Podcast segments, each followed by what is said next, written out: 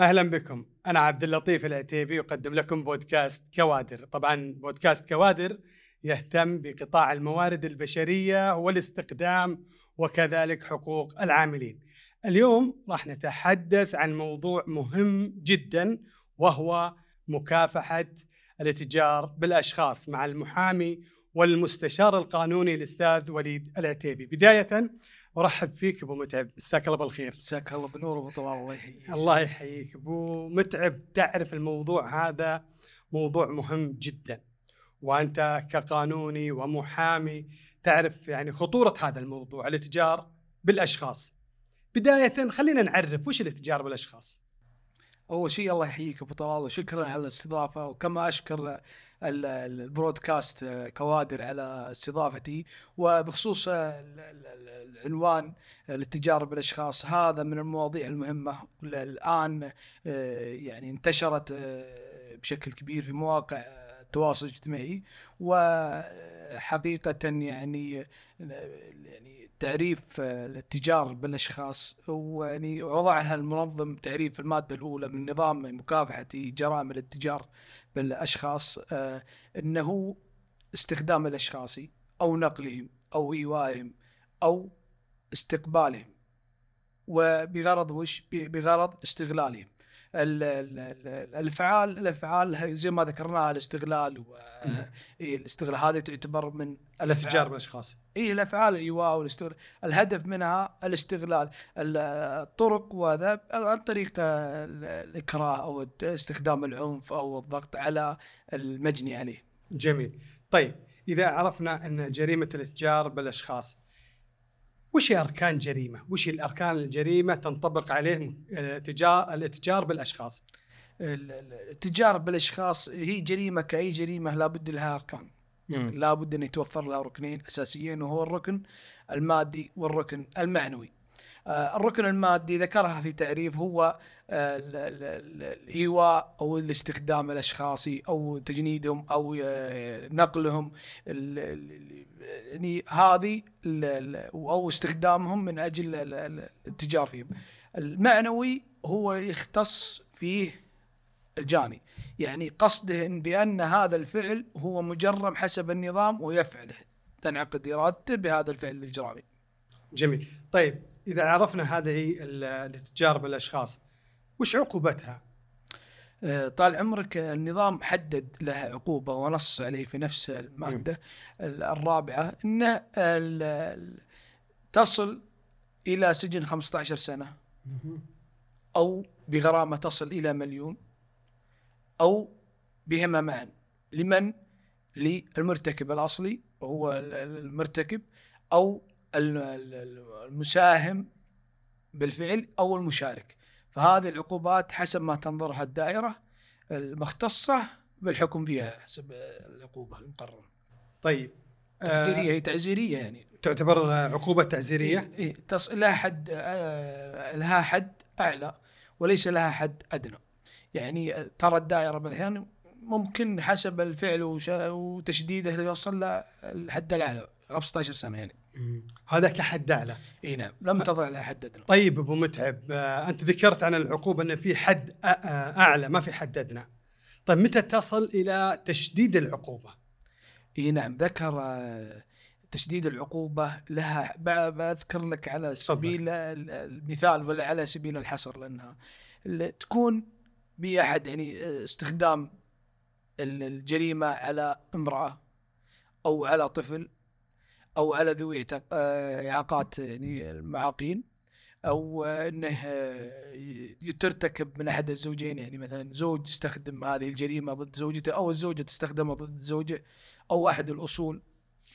أو الأصول يعني الأب والأم ونعلوا أو الفروع الأبناء والبنات واندنوا والولي على الولي مثلا قاصر السن وقاصر العقل ومن له يعني نفوذ في الوظيفه بعضهم له يعني كقوة يعني يستخدمها على المجني يعني حكم وظيفته. هذا هذا التغليظ أو تشديد العقوبة. نعم تصل إلى حسب ما تراها الدائرة المختصة في هذا الموضوع. في دوائر تنظرها الدوائر الجزائيه والمحكمة الجزائيه ولها نيابة آه، مدعي عام فالنيابه العامة. طيب أبو متعب هل يعتبر تغيب العمالة المنزلية من الاتجار بالأشخاص؟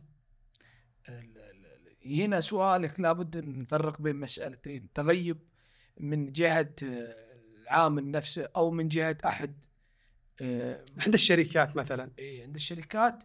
نعم تعتبر من التجارة لأن التجارة بالأشخاص لأن المقصد منها استغلال الموظف و يعني تسبب مشاكل اجتماعية واقتصادية وأمنية كذلك نعم.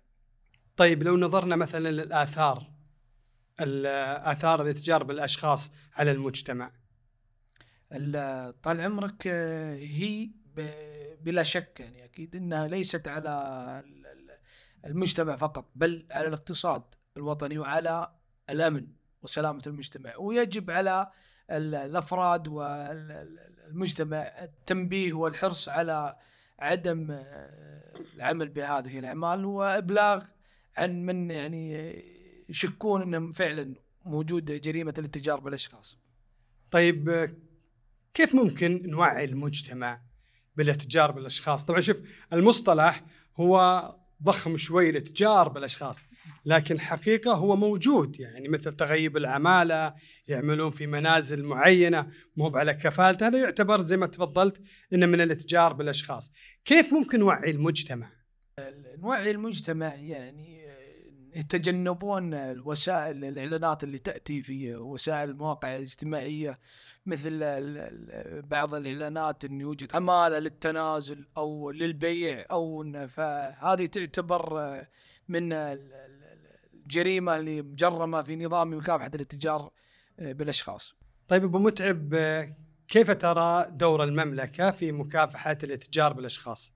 أراها انها يعني من الأوائل يعني ف في مكافحة هذه الجريمة بدعم من سيدي خادم الحرمين الشريفين الملك سلمان وولي عهده الأمين محمد بن سلمان حفظهم الله آه، بذلت آه، كل السبل لاحترام حقوق الإنسان والحفاظ على كرامة كل فرد على أرض هذا الوطن.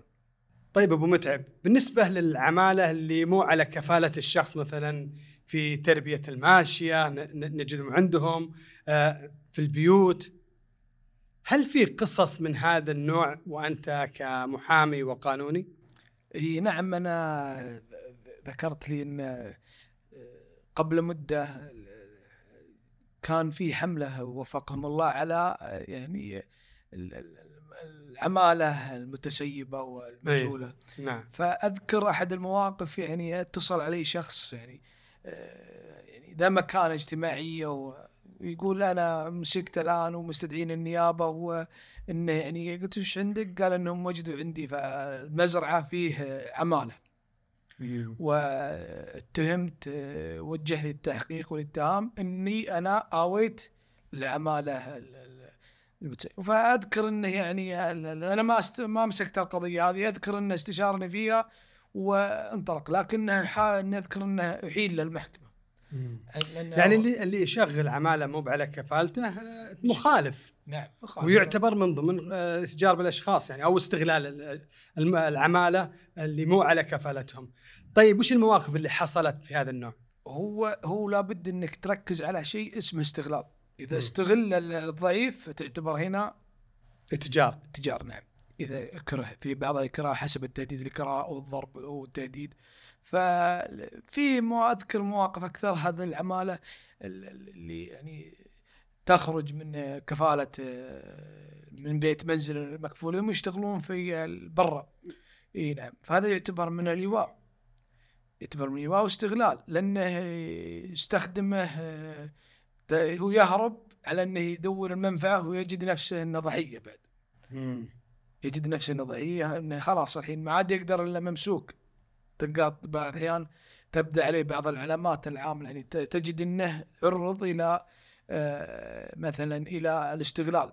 تجد العامل انه فيه متوتر خايف في عليه كدمات وتجد إنه ليس على كفالة صاحب المنزل إنه أخذ كسلعة يعني يباع ويشترى فهذه تعتبر من طيب بالنسبة آه، أبو متعب لو سألتك عن خطورة العماله السائبة. بلا شك يعني خطيرين جدا يعني صعب التعرف عليهم في حالة الوقوع يعني جريمة أو فعل ارتكاب جريمة ما من من يعرفون؟ لا لهم يعني رقم هوية ولا يعرف الاسم ربما إنه يعمل لديك باسم مستعار. فبسبب خطورتهم أذكر أحد القصص عندنا أذكرها ومنتشرة معروفة إن أحد العمالة يعمل لدى صاحب مواشي في البر. فسبحان الله جاء وكبير في السن وجاء ولقاه يعد راتبه ولقى معه فلوس كثير يعني. بيع ومشترى الله العالم وفيه فلوس. فشافه المتخلف هذا نظاميا فخلاه لين ينام. يوم جاء في الليل يبغى يسرقه. فسبحان الله يعني راود نفسه اللي يقتل الكبير السن هذا. فضربه في رأسه وأخذ فلوسه لكن مات الكبير في السن وقبض على على العامل هذا. لكن سبحان الله عقب عقب فوات الأوان. فوات الأوان. طيب هو كان يشتغل عند عند كبير السن؟ إنه يشتغل كان في تربية المواشي في البر نعم ولا هو على كفالته؟ لا لا مو على كفالته. هذولي آه هذولي خطر يشكلون خطر؟ تجدهم بعض الأحيان على الطرقات تلقاهم يعني آه من عند المحطات آه الوقود البنزين تلقاهم شنطته ويقول لك تبغى راعي تبغى. بعضهم والاكثريه أنهم يعني يشكلون خطر على المجتمع نعم طيب هل هذه الظاهرة نسميها ظاهرة ولا إشكالية؟ هل هي خفت؟ الآن بدأت الناس توعيه يعني وبدأت يعني يعرفون خطورة هذا الموضوع بعد يعني. يعني ما يشغلون عندهم عمالة في بيوتهم عند المواشي عند مؤسساتهم؟ لا لا يشغلون. امم لا خطر لهم معروفين هم يعني لا قدر الله شيء ولا شيء وكم سمعنا قصص إن في عند الجنسيات يعني نلقاه بدون يعمل بدون كفالة هارب من كفيلة أو جايين عن طريق تسلل فنجد الله يحمانا وياك يعني مقتل أبناء الله يكفينا ويكفيك الشر إيه؟ الآن النظام الجديد لحمايه نظام الكفالة الجديد يعطي حق للعامل إذا ما ارتاح للكفيلة ينقل على كفيل ثاني. أعتقد هذه المرونة هي إن شاء الله ستساهم. في تقليص تغيب العمالة عن كفلائها وغير ذلك كذلك تقلل من الاتجار بالتجار بالاشخاص وتقلل بعد من الاستغلال. لأن هذا أمس قابلت لي شخص من الجنسية العربية يقول أنا أنا تعبت من كفيلي أنا كفيلي يبغى ينقل كفالتي يعني يطلب مني إني أوقع على سندات وعلى تقبيل. ف فذكرت قال وش رأيك يا أستاذ وليد؟ فأنا ذكرت قلت امتنع. فتوجه إلى القنوات الرسمية وهي المكتب العمل. موجود الدولة جزاها الله خير وزارات الموارد البشرية. موضوع رصد وأرقام موحده للاتصالات. فإذا ما تجد يعني مخرج فبلغ عنه يعني كفيلك. لأن هذا يدخل تحت التجاره بالأشخاص. طيب هذا طبعا إحنا كنا نتكلم عن عن العمالة، طيب عن الكفلاء كيف استغلالهم للعمالة؟ لا لا أول شيء لازم إنه يخاف الله عز وجل ويدري إن هذا ما جاء إلا من حاجة عنده. فلا بد إنه يعني يعطي الأجير أجره كما في حديث في معناه أعطى الأجير أجره قبل أن يجف عرقه فلا بد إنك يعني ترحمهم وتلطف بهم وتحمد الله عز وجل يعني اللي خلى حاجتهم عندك ولا انت بحاجتهم عنده صحيح. فيلطف بهم يا الله يوفقنا وياهم آمين. طيب الآن لو يعني سؤال أخير. تفضل. وش نصيحتك للمجتمع؟ نصيحتي للمجتمع اولا إنهم يتبعون الأنظمة واللوائح ويتبعون ما أصدرته الوزارات. من إرشادات وتوعية وإنه لا يخالفون النظام لأنه لم يوضع النظام إلا للحفاظ على المجتمع واستقراره، أول شيء إنها طاعة لله عز وجل من مربوطة في طاعة ولي الأمر، وطاعة ولي الأمر إنه يعني نتبع طال عمرك ما صدره من أنظمة وما صدره يعني لحفاظنا لحفاظنا المجتمع جميل جدا. أبو متعب الحديث المو... كبير جدا صحيح صحيح. وإن شاء الله أن أوفينا لو جزء بسيط عن هذا الموضوع.